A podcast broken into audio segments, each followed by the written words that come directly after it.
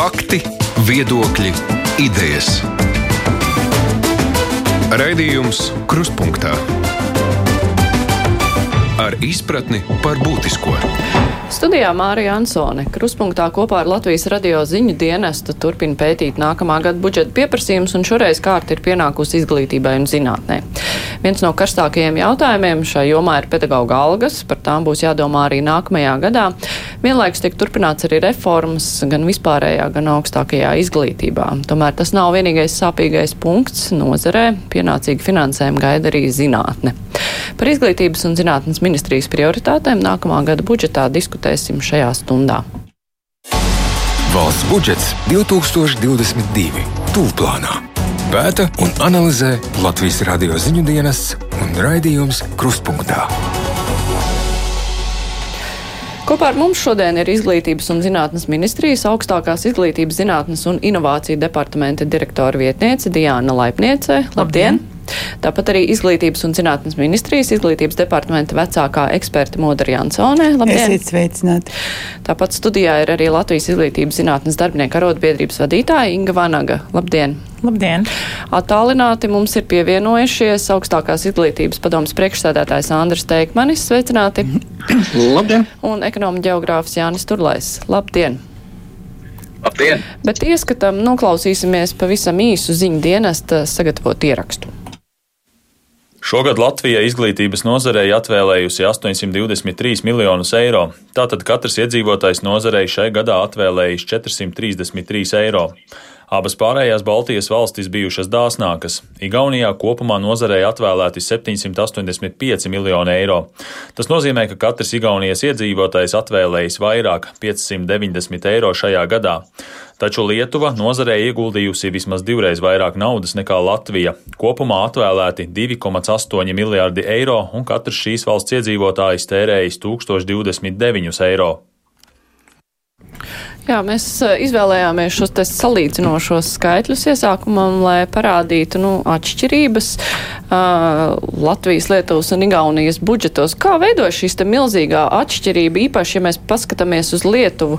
Nu, cik viens cilvēks uh, atvēl izglītībai? Vai tur ir kaut kāda īpaša tā, naudas skaitīšana, vai vienkārši mēs esam šo nozari tomēr pārāk pametuši novārtā? Vai jūs varētu komentēt kāds no izglītības ministrijas puses? Nu, tā kā lauvas tiesa no izglītības finansējuma aiziet skolām, tad es ceru, ka varbūt kolēģi Modra varēs pakomentēt. Jo augstākā izglītība ir tāda tievākā govs, jāsaka, salīdzinot ar skolas finansējumu. Jā, nu, vispārējā izglītībā, ar, kuru, ar kuras finanšu jautājumiem un pedagoģa darba samaksas strādāju, šīs problēmas ir, nu, ja tā var teikt, jau ilgstoši un tās nav tik vienkārši definējamas, tādēļ, ka uh, katru gadu jau tiek guldīti klāt papildus miljoni pedagoģa darba samaksai.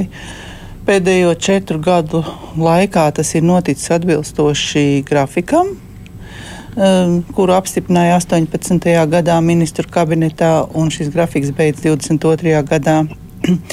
Bet uh, nu, sekas ir tādas, ka šie papildus ieguldījumi, kas katru gadu ir vidēji bijuši 5% apmērā papildus budžets, tādu reālu katram pedagogam jūtamu viņam acīņā pie, pienesumu nav devuši.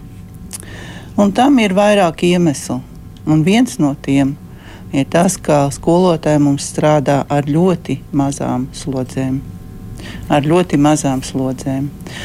Ja vienai piekdaļai pedagoģu ir slodzi mazāk par 15 stundām nedēļā, un tās nav mācības stundas, bet visas starpficētās slodzes kopā, arī tad, ja viņš strādā divās vai trijās skolās kopā, tad, protams, skolotāja alga ir maziņa un skolotāju, teiksim, ja skatāmies vidējo algu pret, eh, pret nezinu, sabiedriskajā sektorā vai vispār valstī kopā, tad, protams, reālā vidējā alga ir maza.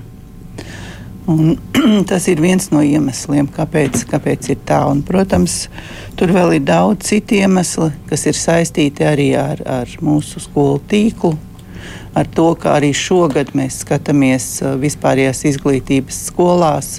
Mums ir klases ar vienu, diviem, trim bērniem, kur ir jāveido apvienotās klases un kaut kā jārisina izglītības jautājumi. Tā kā Nu, tas es pieņemu, ka to vajadzēja tā, ka... radikālus, mm -hmm. radikālus lēmumus, radikālus lēmumus. Uh, tā izskaitā arī ar papildu budžeta piesaistīšanu. Vajadzēja jau, nezinu, 5, 10 gadus atpakaļ pieņemt. Bet nu, tas izklausās, ka mums tas viens izglītojamais varbūt izmaksā tieši otrādi dārgāk, bet ja mēs paskatāmies uz budžetiem, uh, izglītības budžetiem Lietuvā, Latvijā, Igaunijā, tad mums tas ir vismazākais. Vanagas kundze, kā jūs, vai jūs esat rēķinājuši tieši uz kā rēķina tas mhm. mazums mums rodas? Nu, te es gribētu teikt, ka lūk, pat mūsu kaimiņu valstu politiķi jau daudzus gadus atpakaļ saprata, cik ļoti nozīmīga ir investīcija cilvēku kapitālā, nozarē strādājošo cilvēku kapitālā. Tur ir ievērojami augstākas algas gan pedagogiem, sākot no pirmskolas izglītības pakāpes līdz augstākai izglītībai, un arī zinātne tiek dāsnāk finansēta. Un uh, var tiešām priecāties par kaimiņu valstīm, ja?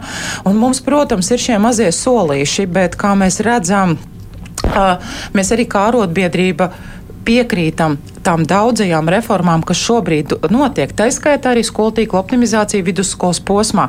Bet ir jābūt arī godīgiem un atklātiem. Tā ietaupītā nauda viņa aizceļo skolēnam līdzi un viņa neiedos nepieciešamo algas pielikumu. Ja?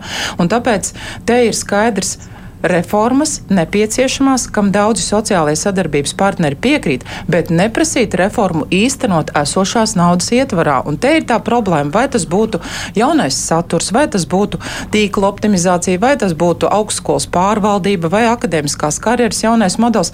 Mēs visu laiku dabonam skatīties, kā to izdarīt esošā budžeta ietvarā. Ja? Un te es nekādā ziņā tas nav pārmetums nevienai no ministrijas pārstāvēm, ja? jo viņu darbs ir strādāt pie šīm reformām, bet politiķi izšķiršana izšķiršanās ir, vai tam atradīs naudu, papildus, vai, vai šie pārdales. Nu, katrā ziņā tā finansējuma nodrošināšana pilnvērtīgām, kvalitatīvām reformām. Ja? Nu, un sekas mēs redzam - vakances, profesionālā izdegšana, pedagoģu trūkums sākot no pirmskolas līdz pat augstākai izglītībai zinātnē. Ja?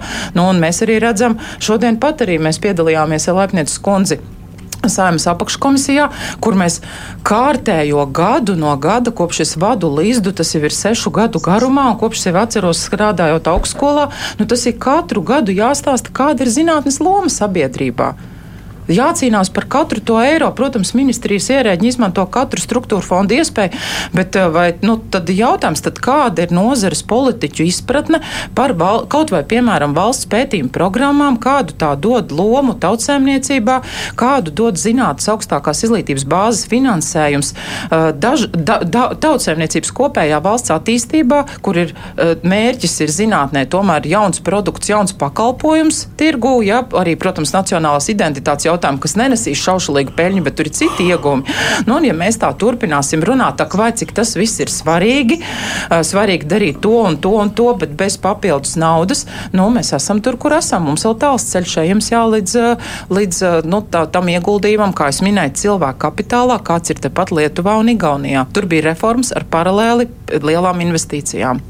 Vaicāšu arī kungiem, kuri piedalās raidījumā attālināti. Teikmaņa kungs, tas kaut vai lietuviešu izrāviens, tas ir vairāk tā kā uz zinātnes, uz augstākās izglītības rēķina, vai esat pētījuši, kāpēc mums ir tik maz kopumā izglītībai salīdzinājumā ar kaimiņiem?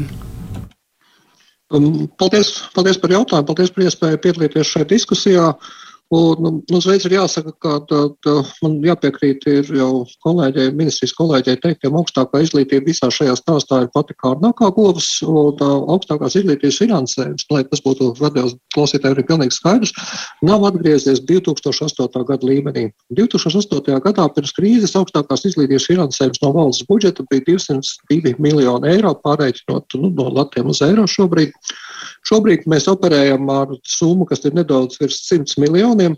Un, uh, lai būtu skaidrāk, šī summa ir mazāka nekā no valsts piešķirtais starta universitātes budžets. Un, ja mēs šobrīd runājam par izcilību augstākajā izglītībā, par ceļu pretīm augstākās izglītības nu, daudziem mērķiem, Tā skaitā tātad izcilības nodrošināšana izglītībā, izcilības nodrošināšana pētniecībā un izcilības nodrošināšanu arī inovāciju pārnesē. Tad, protams, politiķu pozīcija nekādā veidā neiet līdzi finansējumam. Un lietuvieši ir izdarījuši ļoti daudz ļoti nopietnu, un mēs redzam, ka Lietuva šobrīd cenšas panākt uh, Igauniju pētniecības un attīstības finansējumā, kas viņiem ir vidēji lielāks, apmēram uz pusi. Nu, nekā Latvijā. Latvija šobrīd ir pati e, pašā vājākajā pozīcijā gan augstākās izglītības finansējumā, gan pētniecības un attīstības finansējumā. Un tas ir ilglaicīgi, un tas ir kaut kas, kas ir pārsteidzoši, jo arī pašreizējie politiķi ievēloties 13. saimā sev par vienu no mērķiem, ja mēs paskatāmies atpakaļ ministra prezidenta Krišāņa Kariņa valdības nu, šo ziņojumu stādīja augstākās izglītības finansējumu palielinājumu līdz tādam apjomam, ka kādas divas Latvijas augstskolas nokļūt nu, pietiekam augstu reitingos. Un, protams, jā, Lietuvas gadījumā, un tā tieši tāpat kā Igaunijas gadījumā, būtiska atšķirība ir tāda, ka ir šis ieguldījums augstākā izglītībā lielāks. Jāņem vērā, ka Latvijā, lai cik tas nebūtu arī paradoxāli, mums viena skolnieka izmaksas ir lielākas nekā viena studējošā izmaksas. Tas ir kaut kas, nu, kas ir absolūti disproporcionāls šajā brīdī. Turlaikungs, esat pētījis un skatījies, kādi esam salīdzinājumā ar kaimiņiem un kāpēc? Jā, esmu pētījis, un jāsaka, nu, atslēga ir uh, skolu tīkla un arī universitāšu augstskolu uh, optimizācijā. Jo skolu tīkls Latvijā, nu, te jau minēja kolēģi, ka mums mazajās skolās uh, mēs esam to pētījuši un rēķinājuši. Piemēram, sākuma skolā ar 14 skolēniem viens skolēns izmaksā 10, pat 10 tūkstoši eiro gadā kamēr ar tūkstošu skolēniem apmēram 2,5 eiro gadā. Tas ir tikai tāds piemērs. Pusē Latvijas pamatskolu nav iespējams nokomplektēt pat vienu klasi ar 20 skolēniem. Paralēli klases nevar nokomplektēt divās trešdaļās pamatskolu. Nu, par ko tad mēs runājam? Jā, nu, tā, teiksim, tā tiek gadu desmitiem jau jāsaka runāts par to skolu tīklu optimizāciju, bet uz priekšu tur nekas neiet. Ja runājam par augstskolām, kolēģis jau minēja, ka Lietuvā nu, un arī, protams, Igaunijā šīs finansējums ir daudz lielāks, bet nu, jāsaka tā, ka no top 700 pasaules universitātēm QS ranking tajā nu, topā ir četras nu, Baltijas augstskolas, un neviena no tām nav Latvijā. Ja? Tā kā tas par kaut ko liecina. Nu, es paskatījos. Nu, mums skaitās Latvijā pēc statistikas 54 augstākās mācību iestādes, ieskaitot koledžas, kas realizē šīs programmas. Lielbritānijā ir 168 universitātes. Un, nu, mēs lepojamies ar ārvalstu studentiem, ka mums ir mums tiešām Latvijā ir desmit tūkstoši ārvalstu studentu un it īpaši Stradiņu universitātē. Tas vispār izglītības pakalpojumu eksports mūsdienās ir viens no izdevīgākajiem eksportiem. Ja? Nu, tad es paskatījos, Lielbritānijā ir pusmiljons ārzemju studenti. Gadā no šī eksporta tiek ieņemti tik daudz naudas, cik eh, tas, kas, kas veido lielāku summu kā Latvijas koprodukts - 33 miljārdus. Ja? Uh, nu, tur uz vienu studentu gadā tiek uh, valsts nopelna 66 tūkstošus dolāru. Latvijā es pieņemu, nu, ja tie pat būtu 20 tūkstoši dolāru gadā uz studentu, tie būtu 200 miljoni. Nu, Vārds sakot, tās ir nesalīdzināmas lietas mūsu ar šīm sadrumstaloto izglītības tīklu, arī augstākās izglītības tīklu, ka mums ir ārkārtīgi daudz studiju programmas, kurās mācās ļoti maz, uh, maz studentu. Viņas nav konkurētspējīgas ne Latvijas, ne pasaules mērogā. Un eh, šeit ir, nu, es negribētu, ka tiek pārmests tikai valdībai, ka neparedz budžetā finansējumu. Nu, šeit ir augstākai izglītībai pašai jātiek galā un jāvienojas, kuras tad būs kaut kādas, mums ir tikai trīs universitātes vispār, kas ir top tūkstots, ja, kur ir virs 9000 studenti. Labi, nu tās būtu tās lielās. Arī Lielbritānijā ir mazas augstskolas ar tūkstošu studentiem, bet viņas ir šauri specializētas un viņas ir pasaules līmenī. Un tad mums Latvijā vienreiz ar to vajadzētu tikt galā. Un tad mēs, es arī kā nodokļu maksātājs būšu ieinteresēts, eh, nu, ka mēs guldam iekšā šajās te nu, augsti attīstītajās izglītības iestādēs. Bet kamēr mēs te producējam, nu, tā kā tā kā viensēts bez maz vai šīs izglītības iestādes un ceram, ka kādreiz mums kaut kas normalizēsies, nu, tas ir naivi. Vai es varētu, vai es varētu mazliet komentēt, jo man liekas, ir diezgan svarīgi šajā gadījumā precizēt teiksim, šo faktoloģisko bāzi. Ja mēs runājam par vairāk kā 50 augstākās izglītības institūcijām, tā skaitā ir arī privātpersonu dibinātās augstskolas, tā skaitā ir koledžas un privātpersonu dibinātās koledžas. Ja mēs runājam par valsts dibinātajām augstskolām, tātad tām, kas uh, pamatos ir tās, kuras realizē augstāko izglītību, tātad mēs runājam par 16 augstākās izglītības institūcijām. 16 noteikti nav vairāk kā 50. Uh, par programmu skaitu es droši vien oponētu. Programmu skaits mēs operējam ar kaut kur kādām 900 uh, programmām šobrīd, tūp pie 1000 programmām. Tas ir tas, kas dažbrīd ir vienā vidē lielumu ārvalstu universitātē, un programmas Latvijā atvērt ir ļoti grūti. Nav tā, ka mums būtu ļoti daudz dažādu šo programmu. Patiesībā sakot, salīdzinoši ar tām pašām Lielbritānijas augstskolām, ar kurām nu, ir gadījies, teiksim, ar kolēģiem strādāt kopā, viņi programmas atver zibenīgi tieši reaģējot uz tirgus konjunktūru.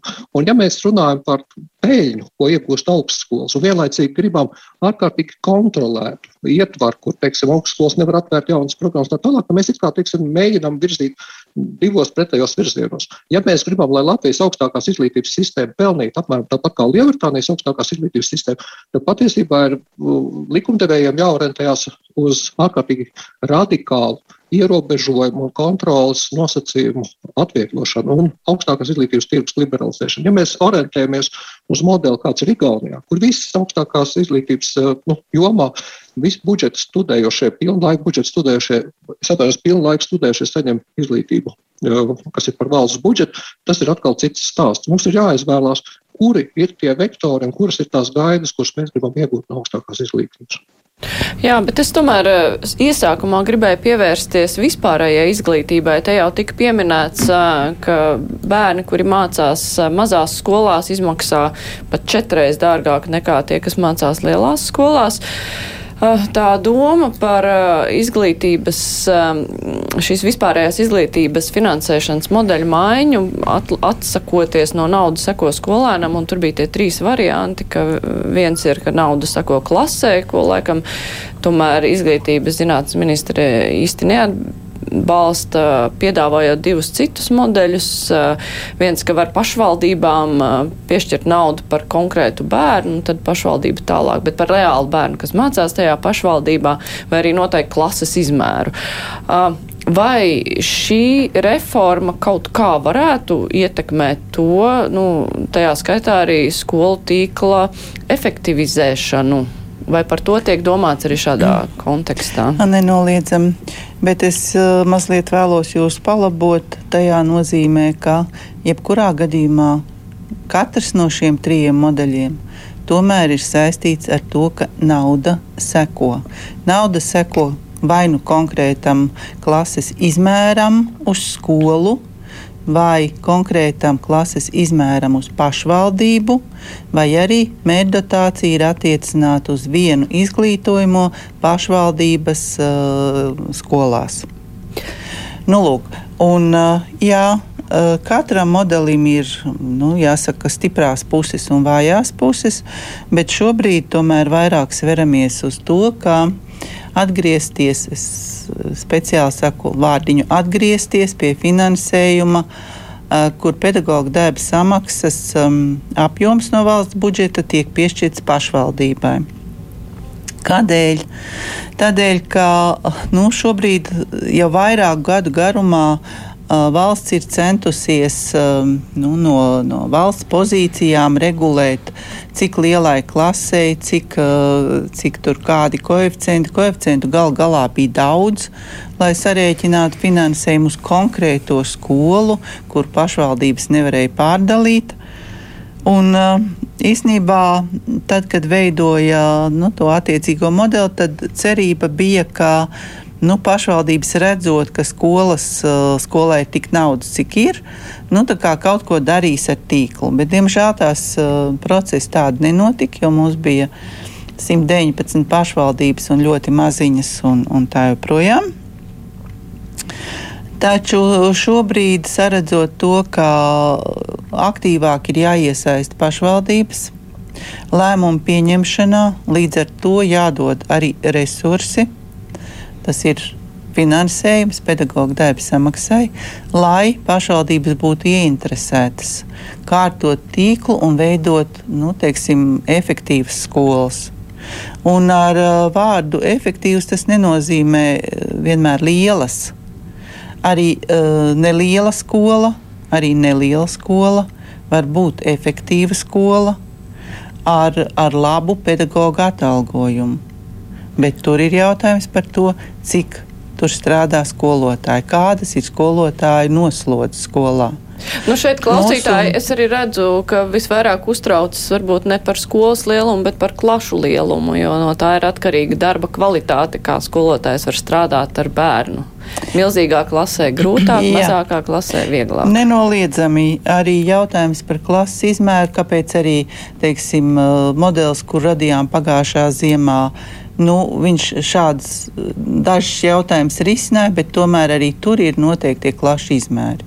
Savukārt, runājot par, par to, kā finansējums tiek dots pašvaldībai, tad pašvaldība var vērtēt, kurā skolā kāds ir tas optimālais, jeb, jeb vēlamais klases izmērs. Varbūt skolā, kas ir nezinu, valsts gimnāzija kur, kur mācās ļoti motivēti izglītojumie. Tur šis klases izmērs būs lielāks. Pašvaldība noteiks tur lielāku bērnu skaitu klasē. Savukārt, kādā citā skolā, kur varbūt tās nu, skolēnu kontingents nav tik motivēti, tiks veidotas mazākas klases.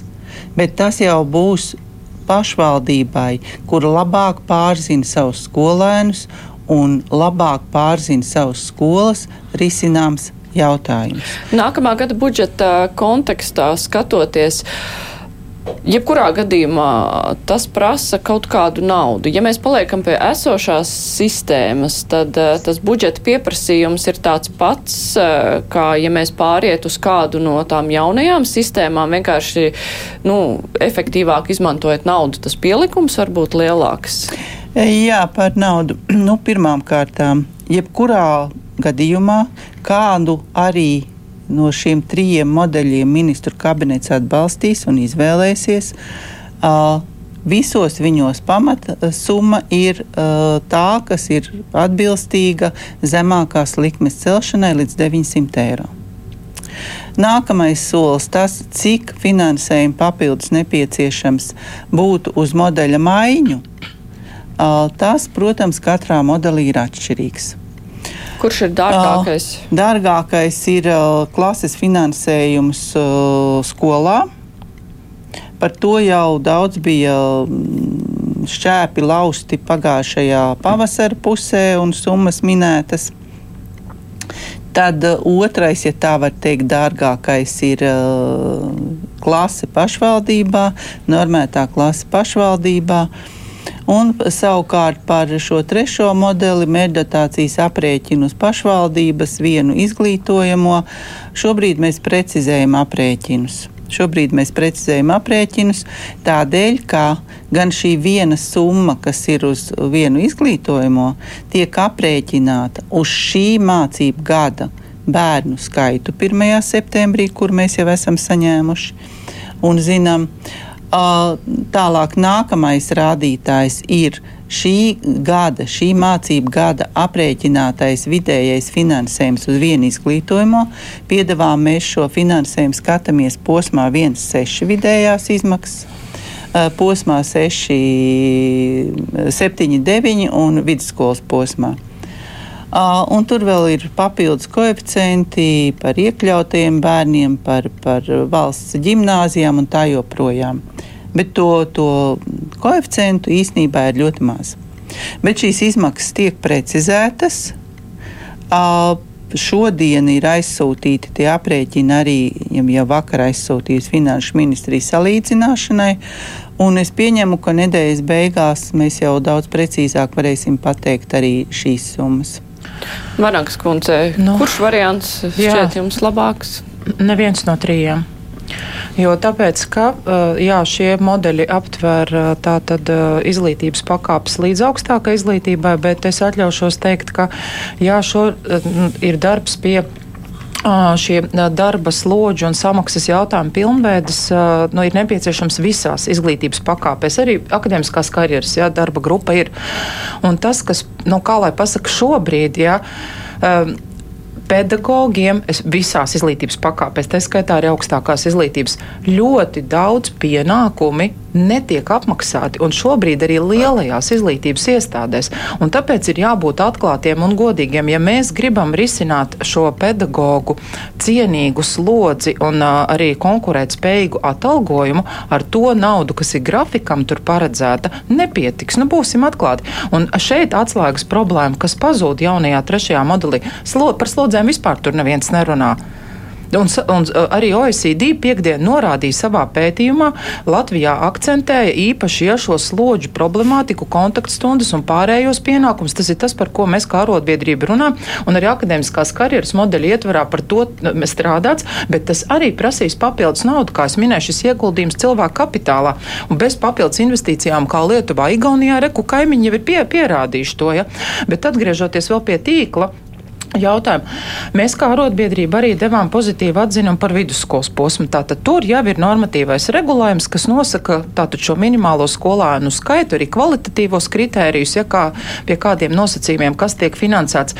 Nu, man ir jautājums, ja tad, kad mēs skaļi piesakām šo jautājumu, jā, es nenoliedzu, tīkls ir jā, jā, jākārto. Jā, arī ATR administratīva teritoriālās reformas ietveros arī noteikti būs nākamie soļi, bet nevar tā prasti vienā, vienā Excelī salikt vienalga, kura izglītības pakāpe, parēķināt un viss notiek. Ja? Tomēr ir arī šis pieejamības faktors, sociāla ekonomiskā situācija. Nu, nevar visu caur finanšu prizmu. Un man ir jautājums, tad, a, ko pirmsskolās kārtot?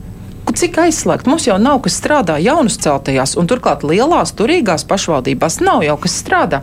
Vidusskolas posmā arī tur ir MK noteikumi, jau regulējums ir, arī tur nav kas strādā. Un tad būsim godīgi, jā, tas ir jādara, ļoti pārdomāti, pašvaldību kompetence, bet arī pasakam, cik uz tā ietaupās. Un mēs un praksē pierādījis tīkla optimizācija neiedot par mazajiem grafika soļiem nepieciešamo naudu. Ir vajadzīgs papildus šī dotācija no, no valsts budžeta.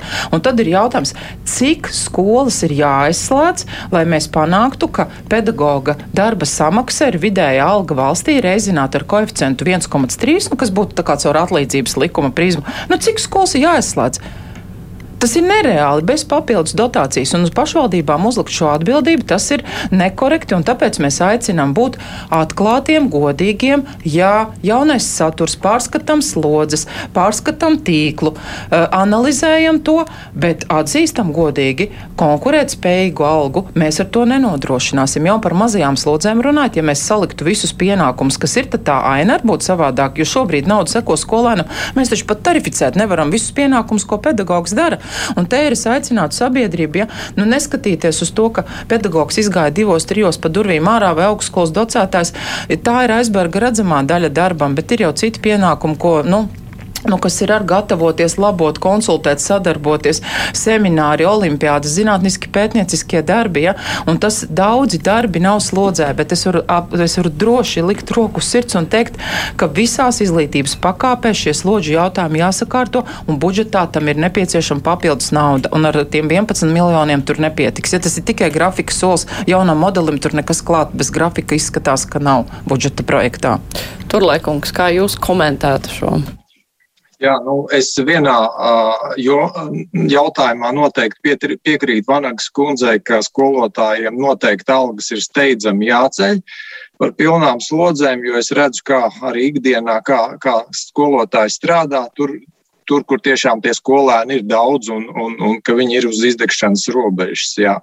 Bet es galīgi nepiekrītu to, ko Vanagas kundze minēja par skolu tīkla optimizāciju. Mēs esam veikuši pētījumus un Nu, mūsu analīze liecina, ka ja uh, tiktu uh, saprātīgi optimizēts skolu tīkls, algām varētu pārvi, pārvirzīt 100, vairāk kā 100 miljonus eiro gadā. Tas nozīmē, ka Un, un, un kur ir atslēgas problēma? Atslēgas problēma ir, ka līdz šim tajos noteiktajos kritērijos, ko izglītības ministrija arī virzīja iepriekšējās ministras laikā, tika runāts par kaut kādiem abstraktiem reģioniem, bet netika runāts par reālo skolu pieejamību, reālo uh, attālumu līdz tuvākai alternatīvai. Un, uh, ko tas nozīmē? Tas nozīmē, ka mums pat Rīgā divās trešdaļās vidusskolu ir problēmas ar paralēlu klašu komplektāciju. Nerunājot nemaz par laukiem, kur desmit minūšu attālumā viena no otras ir pustukšas skolas. Un es uzskatu, tas, tas modelis, ko es minēju par tiem 100 miljoniem, tas bija izrēķināts nu, ņemot vērā, ka noteikti ir jābūt kaut kādiem atvieglotiem nosacījumiem tiešām reti apdzīvotās teritorijās, kur tuvākā alternatīva ir vairāk kā 20 minūšu sasniedzamības attālumā. Un, ja mēs šādi paskatītos uz tām lietām, ja, nu tad, tad tur pilnīgi cita aina veidotos. Bet, bet stāsts jau ir par to, ka mums ir blakus viena otrai pustukšas skolas, un tad mēs brīnamies, ka nevaram skolotājiem nodrošināt slodzi. Nu, kā, tur, tur es esmu gatavs tur iedziļināties katrā konkrētajā un pamatot šos. Nu, tā. Es, es atļaušos, tomēr es, eh, precizējot, mēs kā arotbiedrība neiebilstam, ka skolu tīkla optimizācija ir jāanalizē. Īpaši tagad AT pēc administratīva teritoriālās reformas, bet ir izglītības posmi, kur pirmsskolās nav ko optimizēt. Vidusskolas posmam regulējums ir jādroši vien jāanalizē arī šie ieguvumi, bet 100 miljoni, ja mēs sakārtosim slodzes, sabalansēsim, noteikti mēs nedabūsim. Ja, kā es minēju, šis slodžu faktors ir ļoti, ļoti ļoti būtisks jaunajā atalgojuma un nu, šajā modelī, jo tas bija būtībā tas, nu, tas uzstādījums, ja veidojam darba grupu jau no 2016. gada mēs kā līdzi aktualizējam kopš tika pieņemti šie noteikumi, ka slodžu sabalansētības virzienā ir jāiet, jo, kā jau minēju, ja šīs sekas, es, mēs ne, nenoliedzam, ka ir jāskata ja šis tīkls, bet 100 miljonus mēs noteikti neiegūsim, zinot, ka ir izglītības pakāpes posmi, kur vienkārši nav ko optimizēt. Tur nav kas strādā vienkārši, un tur nu, jau trūkst ja, gan, gan šī nu, bērnu dārza, ja, un, un nav kas strādā. Un, un, jā, tāpēc es tā domāju, ka šeit varbūt jāprecizē nu, aprēķinu uz aktu aktuālo situāciju, bet uh, neatstājot aizdurvē šo slodžu uh, nu, faktoru. Līdzīgi kā arī augstskolās, ja bāzes finansējums, zinātnē bāzes finansējums, ja nu, kādu mēs izrāvienu gribam, kādu mēs attīstību gribam. Š, tiešām jau bēdīgi paliek saimnes komisijās, apakškomisijās gadu gadiem klausīties vienu un to pašu, tad varbūt vienreiz saņemamies nevis uh, valdības rīcības plānos, priekšvēlēšanu programmās, uh, norādam, ja šīs kā prioritātes, un tad uh, katru gadu ejam un cenšamies dažādi pārliecināt, kas un kā. Ja, jo nu, sekas jau, nu, jau jāsaka aizvakar, ja ir šis vakances un uh, sociālais vecuma portrets OECD pat par to jau Latvijai norāda. Ja. Nu, būsim, um, atvērsim visi kopā tās acis, ausis vaļā, bez papildus investīcijas nekā te nebūs. Ja par izglītības kvalitāti, pieejamību un par veiksmīgām reformu īstenošanām bez papildus naudas mēs nevaram runāt. Ja? Un to, ko stāsta mums pārfinansēta nozare, 5,4% ja, no IKP. Nu, paskatāmies, kā sadalās, pāanalizējam, darba grupā secinājām, ka citas valsts noteikts izdevuma pozīcijas ir citu sektoru budžetos. Ja? Tāpēc par pārfinansētu izglītības zinātnes nozari nozari, es domāju, nepamatot runāt, bet būtu svarīgi beidzot no daudzu gadu runāšanas eh, reāli ieinvestēt, saprotot, kāda ir izglītības un zinātnes loma ilgtermiņa uh, valsts attīstībā. Ja? Jo kas tad ir Latvijā, ar ko mēs varam šeit lepoties? Ja? Tad, kad ir šie starptautiskie sasniegumi, mēs visi esam ļoti lepni, bet tas ir ļoti lielā mērā uh, uz ģimeņu, ja? uz pašvaldību lielo atbalstu, entuziasmu, kam arī ir jābūt, bet novērtēsim tos cilvēkus cilvēkus, kurš šeit dzīvo, strādā, mācās un izglīto jauno paudzi, un novērtēsim, kuri pašaizliedzīgi strādā gan izglītības, gan zinātnes nozarē. Mēs nevaram vairāk atļauties neinvestēt strauji un ātri mūsu uh, izglītības un zinātnes nozarē strādājošajos. Jā, par augstāko izglītību un zinātni mēs runāsim arī tūlīt. Es tikai atgādināšu, ka šodien kopā ar mums studijā ir no izglītības zinātnes ministrijas Diāna Laipniece, kas ir augstākās izglītības zinātnes un inovāciju departamenta direktore.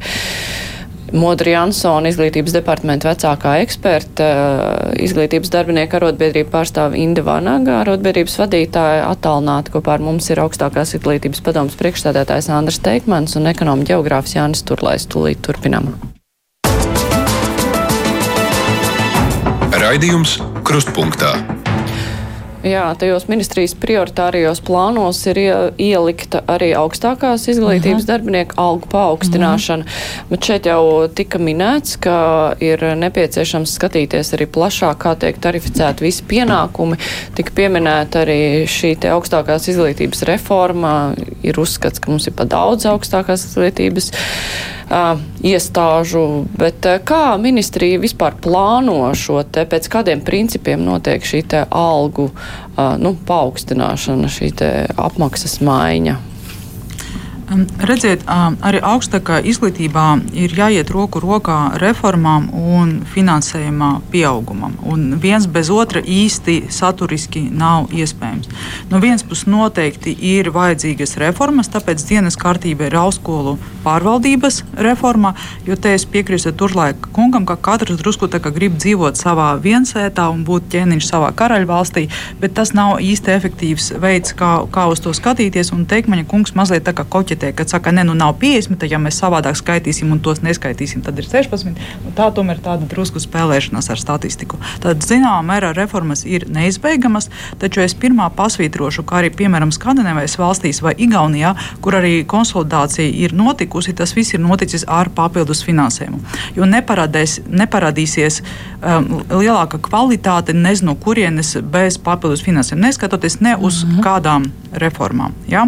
Tātad, um, Nu, tur tie aprēķini, au, au, augstskolu finansēšana, ir drusku savādāki nekā skolās. Es nedomāju, ka mūsu klausītājiem būs interesants tādas tehniskas detaļas, bet tas, ko mēs gribam uzsvērt, ka tiešām prioritātes gan tai konsolidācija jāiet roku rokā ar finansējumu pārvaldības reformām, un mums ir arī mm, jārunā par, par lielāku augstākās izglītības pieejamību. Mums šobrīd 60% no studējušiem studē par maksu un 40% budžetā. Jā, tur ir zināmas prioritātes, kā studē budžetā, vairāk tās pieprasītās um, programmas, kurās trūkst speciālistu, bet tā pašā brīdī starp mūsu prioritāriem pasākumiem, ko mēs iesniedzam uz budžeta veidošanu, ir arī stipendiju apmēra un skaita gaitā. Palielināšana, palielināšana mums ir sens stipendiju apmērs 99,60 eh, eiro, kas nav mai, mai, mainījies eh, vairāk kā desmit gadus uz eh, Covid laiku, lai, lai mazinātu atbirumu, mazinātu to Covid ietekmi. Tas stipendijas īstermiņā tika palielinātas līdz 200 eiro.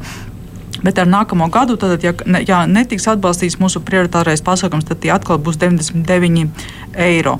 Un mēs ceram, ka vismaz būs, būs iespējams kompromisa variants, ka šīs stipendijas varētu būt 140 eiro mēnesī, 10 mēnešus gadā. Mēs arī tikko ieviesam jaunu pasākumu. Nu, tas ir tiešām pir, pirmo reizi kopš neatkarības mums ir jauns stipendiju fonds pēc sociālām pazīmēm, proti, studējušiem no daudzbērnu ģimenēm. Arī šis, šis tagad, tagad vakardien bija pēdējā pieteikšanās diena. Tagad tie pieprasījumi tiks izvērtēti nu, pēc piedarības daudzbērnu ģimenei un, un citiem kritērijiem. Un, attiecīgi, ir arī pieprasījums nākamajiem gadiem, lai turpinātu šī stipendija, jauna stipendija fonda ieviešanu. Un mēs pieprasījām arī papildus finansējumu valsts garantētiem studiju un studējušu kredītiem, jo tā ir jauna programma, tā ir ļoti pieprasīta atšķirībā no vecā modeļa. Tā ir ieviesta drusku vairāk nekā gadu atpakaļ, nav nepieciešams otrs galvotais un tā tālāk. Tad tā programma tā teikt ir aizgājusi, ir pieprasīta, un tas pieprasījums bija vēl lielāks, nu, sevišķi varbūt Covid gadā. Līdz ar to mēs arī tam gribam papildus finansējumu budžetā. Tā ir daļa no tās visas pieejamības. Nu, tātad apkopojot šo, šo visu. Uh, gan reformas ir vajadzīgas, un mēs tās esam inicijējuši, un tas nekad neiet viegli. Tiešām tāpat kā no ar skolu tīklu, nu, vienmēr būs tā, ka viena teiks, nē, nē, tur Excelis neder, jāskatās uzmanīgāk, savā ziņā piekrītu, bet tam reformām bija jānotiek 11 gadus atpakaļ. Nu, skolu tīkla reformas nav mans lauciņš, bet es savā ziņā uzskatu, ka skolu tīkls mums drusku ir parādā nauda augstākai izglītībai. Jo redziet, Igaunijas skolu tīkla reforma ir notikusi vairāk nekā desmit gadus atpakaļ, un viņam ir citas iespējas novinansēt arī augstāko izglītību. Nu, tomēr tas viss, tas viss ir saistīts. Līdz ar to gan reformas, um, gan, gan nauda ir vajadzīga, un augstākā izglītība nav tikai arī tāda tēriņa pozīcija. Mūsu absolventa monitoringa dati rāda, ka jau pirmos divus gadus pēc absolvēšanas uh, absolvents cilvēks ar augstāko izglītību pelna vidē par 30% vairāk nekā vidēji valstī. Nu, attiecīgi viņš nomaksā vairāk nodokļus, viņ, viņam mazāk vajag kaut kādus bezdarbnieka pabalstus un tā tālāk un tā joprojām. Nu, līdz ar to es ļoti ceru, ka mēs sāksim skatīties uz augstāko izglītību kā uz investīciju. Bet tas, protams, neizslēdz nepieciešamību pēc arī diezgan nu, tādām ambiciozām reformām. Teikmaņa kungs, raugoties no savas pozīcijas, nu, iespējams, protams, tā ir grūti tagad prognozēt, bet, nu, iespējams, ka valdībā netiks atbalstīts pilnīgi viss, ko par prioritāru uzskata izglītības zinātnes ministrijā, kas attiec uz augstāko izglītību, bet, nu, tie ierosinājumi gan attiecas uz šo te pedagoģu finansē, pedagoģu algu palielināšanu, ir paredzēts finansējuma pieaugums arī zinātnē, bāzes finansējuma pieaugums. Šeit tika pieminēts arī stipendijas un uh, studējošo kredīti. Kas no jūsu viedokļa raugoties ir tas akūtākais un sāpīgākais, ko nevar neizdarīt nākamajā gadā? Mm, paldies par šo jautājumu. Jā, protams, nu, varētu pateikt, ka ministrijas kolēģi ir sagatavojuši savu prioritāro pasākumu sarakstot godprātīgi Faktiski tas ir raugoties no tāda viedokļa, nepaprasīt pa daudz, zinot finanšu ministrijas arī vēlmi apgriezt un nepiešķirt. Un šeit ir virkne, jā, protams, pedagoģa darba atlīdzības palielinājums. Tā pašā laikā mums ir jāapzinās, ka, protams, līdz ar to nāk arī ministra aptiek noteikumu grozījumi, kas nosaka minimālās likmes. Un situācijā, kad mēs joprojām neīstenojam augstāko izglītību, kur būtu lielākā nospiedošā daļa no budžeta finansētie studējošie. Mums ir jāapzinās, ka, protams, palielinot finansējumu budžeta vietās, mēs neapšaubām izdarīsim spiedienu arī uz tiem studējošiem, kas studē par maksu. Līdz ar to, manuprāt, kā jau es minēju arī Saimnes apakškomisijā pirms brīža, būtu nepieciešama tomēr ļoti radikāla pozīcijas maiņa, politiska pozīcijas maiņa, apzināties nepieciešamību investēt augstākajā izglītībā. Bet šeit arī nu, mēs skatāmies nelielas, ir kā nelielas uh, nu, izmaksas, kas varētu arī paslīdēt garām finanšu ministrijām, ko viņi varētu pārvirzīt, ka tās nav prioritāras. Kā piemēram, akadēmiskā informācijas centra darbības nodrošināšanai. Tikko akadēmiskās informācijas centrs nesaņems pietiekamu finansējumu, tā mums uh, faktiski nobremzēs uh, studiju virzienu akreditācijas procesu, nobremzēs augstskolu akreditācijas procesu. Tas automātiski apdraudēs diplomu atzīšanu Eiropas vienotajā augstākās izglītības telpā. Un līdzīgi virkne, virkne šo citu arī finansējumu vai, vai stipendijas. Nu, katrs uh, no pirkstiem ir sāpīgs. Kaut kurā, kurā grib ir sāpīgs. Nevarētu pateikt, ja man būtu tagad jāsaka, kuru prioritāti atstāt vai kuru prioritāti slēgt, tad uh, nu, izvēlēties kādu citu. Un, protams, finansējuma pieaugums otrajam pīlāram. Par to mēs esam runājuši ļoti daudz, ka ir nepieciešams pilnā mērā iedarbināt šo augstākās izglītības finansēšanas modeli, kur mums trešajam pīlāram ja faktiski nav atvēlēti līdzekļi. Turpinot Laipanieces kundzes arī izteiktās pārdomas par reformu un finansējumu sasaisti, grib pievērst uzmanību tikai tam, ka, protams, šobrīd likumdevējs īstenoja ļoti ambiciozu reformu. Ambiciozu reformu, kas skar tieši jau manas minētās 16 valsts dibinātās augstskolas. Šobrīd Izglītības zinātnes ministrija paredz, ka daļēji šo reformu radīto finanšu slogu varētu kompensēt ar Eiropas struktūra fondu projektu līdzekļiem. Bet Eiropas struktūra fonda projekta līdzekļi tas būtu apmēram pusotrs gads, uh, no kā to varētu. Pēc tam vēlāk šīs pārmaiņas, šis iekšējās pārvaldības modeļa radītie jaunie izdevumi tik un tā gulsies uz augstu skolu pleciem.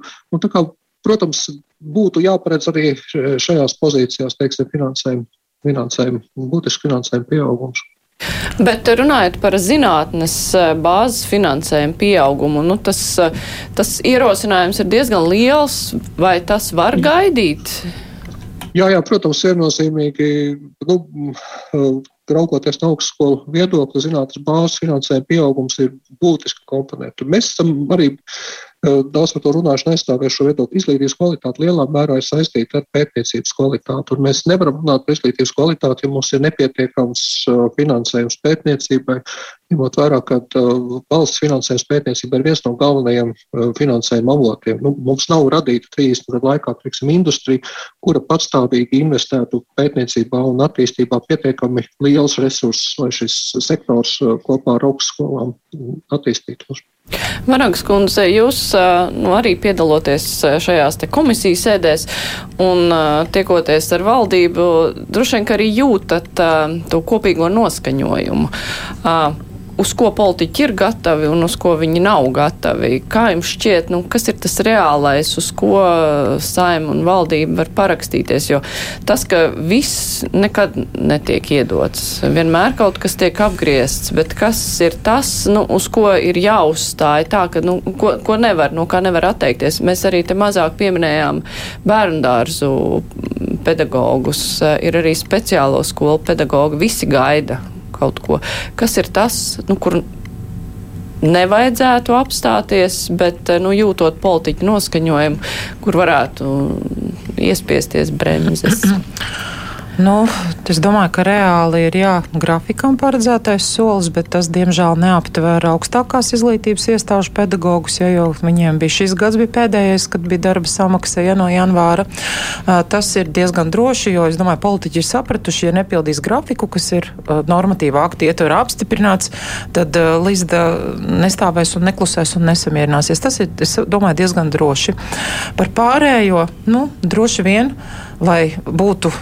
Es summās droši vien eh, nu, to, to nevar neviens nekur izzīmēt. Kaut ko jau atmetīs, kaut ko mazliet zinātnē, eh, kaut ko augstākai izglītībai, kaut ko sportam, kaut ko latviešu valodai, kaut ko jaunu. Katram tiks kaut kāds mazs gabaliņš, lai tā nomierinātu. Nu, katram jau bija šī kaut kas tika ar, ar, ar domu, ka nu, priecājieties, ka vismaz tik daudz tika. Ja? Nu, tā, es domāju, ka radikāli nekas nemainīsies. Diemžēl, diemžēl tādas cerības es neloloju, redzot, kā ir gājis mājās. Nu, tad tur, kur pietrūkst, vienmēr jau var teikt, nu, rekur taču ir struktūra fondi, ja, kas glāb situāciju, bet es pilnīgi pievienos, ja par augstāko izglītību zināt, bāze. Tas ir kā mājai pamati. Ja. Struktūra fondi, jā, ir labi, tas ir sienas, jumts, ja, lai komfortablāk, skaistāk, attīstībai vēl vairāk, bet ja nav bāze, pamati, nu, un par uh, to, ko Laipnieces kundze teica, ja, jā, nu šeit arī redzat, nu, tāda starp ministriju es nezinu, varbūt horizontālās politikas uh, iztrūkums. Ja? Nu, jaunie studenti, jā, arī mums kā rotbiedrībai sautīgi skatoties, jo vairāk studenti, jo lielākas slodzes, jo labāka darba samaksa, ja? un tā tālāk un tā joprojām. Bet šeit, ja mēs neatbalstam studentu, tad mēs, nu, kā nozarē strādājošam, mazāk slodze, mazāk alga, lielāka izdegšana, jo tu vairāk kaut kur skrien vēl kaut ko piepelnies tādā projektā vai kādā skolā. Bet te taču ir jāsaprot, tie ir gados jauni, reproduktīva vecuma vecuma, izglītoti, ja, ar labu izglītību, labām profesionālām iemaņām, mēs viņus atdodam par diezgan smieklīgu naudu Eiropas citām valstīm, kur arī sabiedrība noveco. Viņi pārpērk ar šiem dažādiem stipendijām, ja, un vai mēs viņus šeit atgriezīsim? Diez vai lielāko daļu. Un tāpēc te jau ir jāskatās arī caur šo demogrāfijas, nu, kā saka, labklājības ministrijas prizmu. Ja? Un tad jādomā, kā mums viņu šeit maksimāli noturēt, kā viņam šeit iedot to viņa kārdinošo izglītību tādā līmenī, lai viņš neaizbrauc, kur mēs pēc tam ar dažām atbalsta programmām cīnāmies, kā viņu dabūt atpakaļ. Un tas jau ir tas ilgtermiņa valsts izaugsmas redzējums caur šo izglītības prizmu, kur ir kvalitatīva, laba izglītība, lai realizētu sevi šeit, dzīvotu šeit šeit, ja, un uh, savu valsti attīstītu. Tāpēc ir brīžam amizanti nu, skatīties, kā jācīnās arī par tiem pašiem studentiem. Mūsu jaunā paudze atdodam pa lētu naudu novecojušai Eiropai. Nu, žēl, teikšu, kā ir žēl.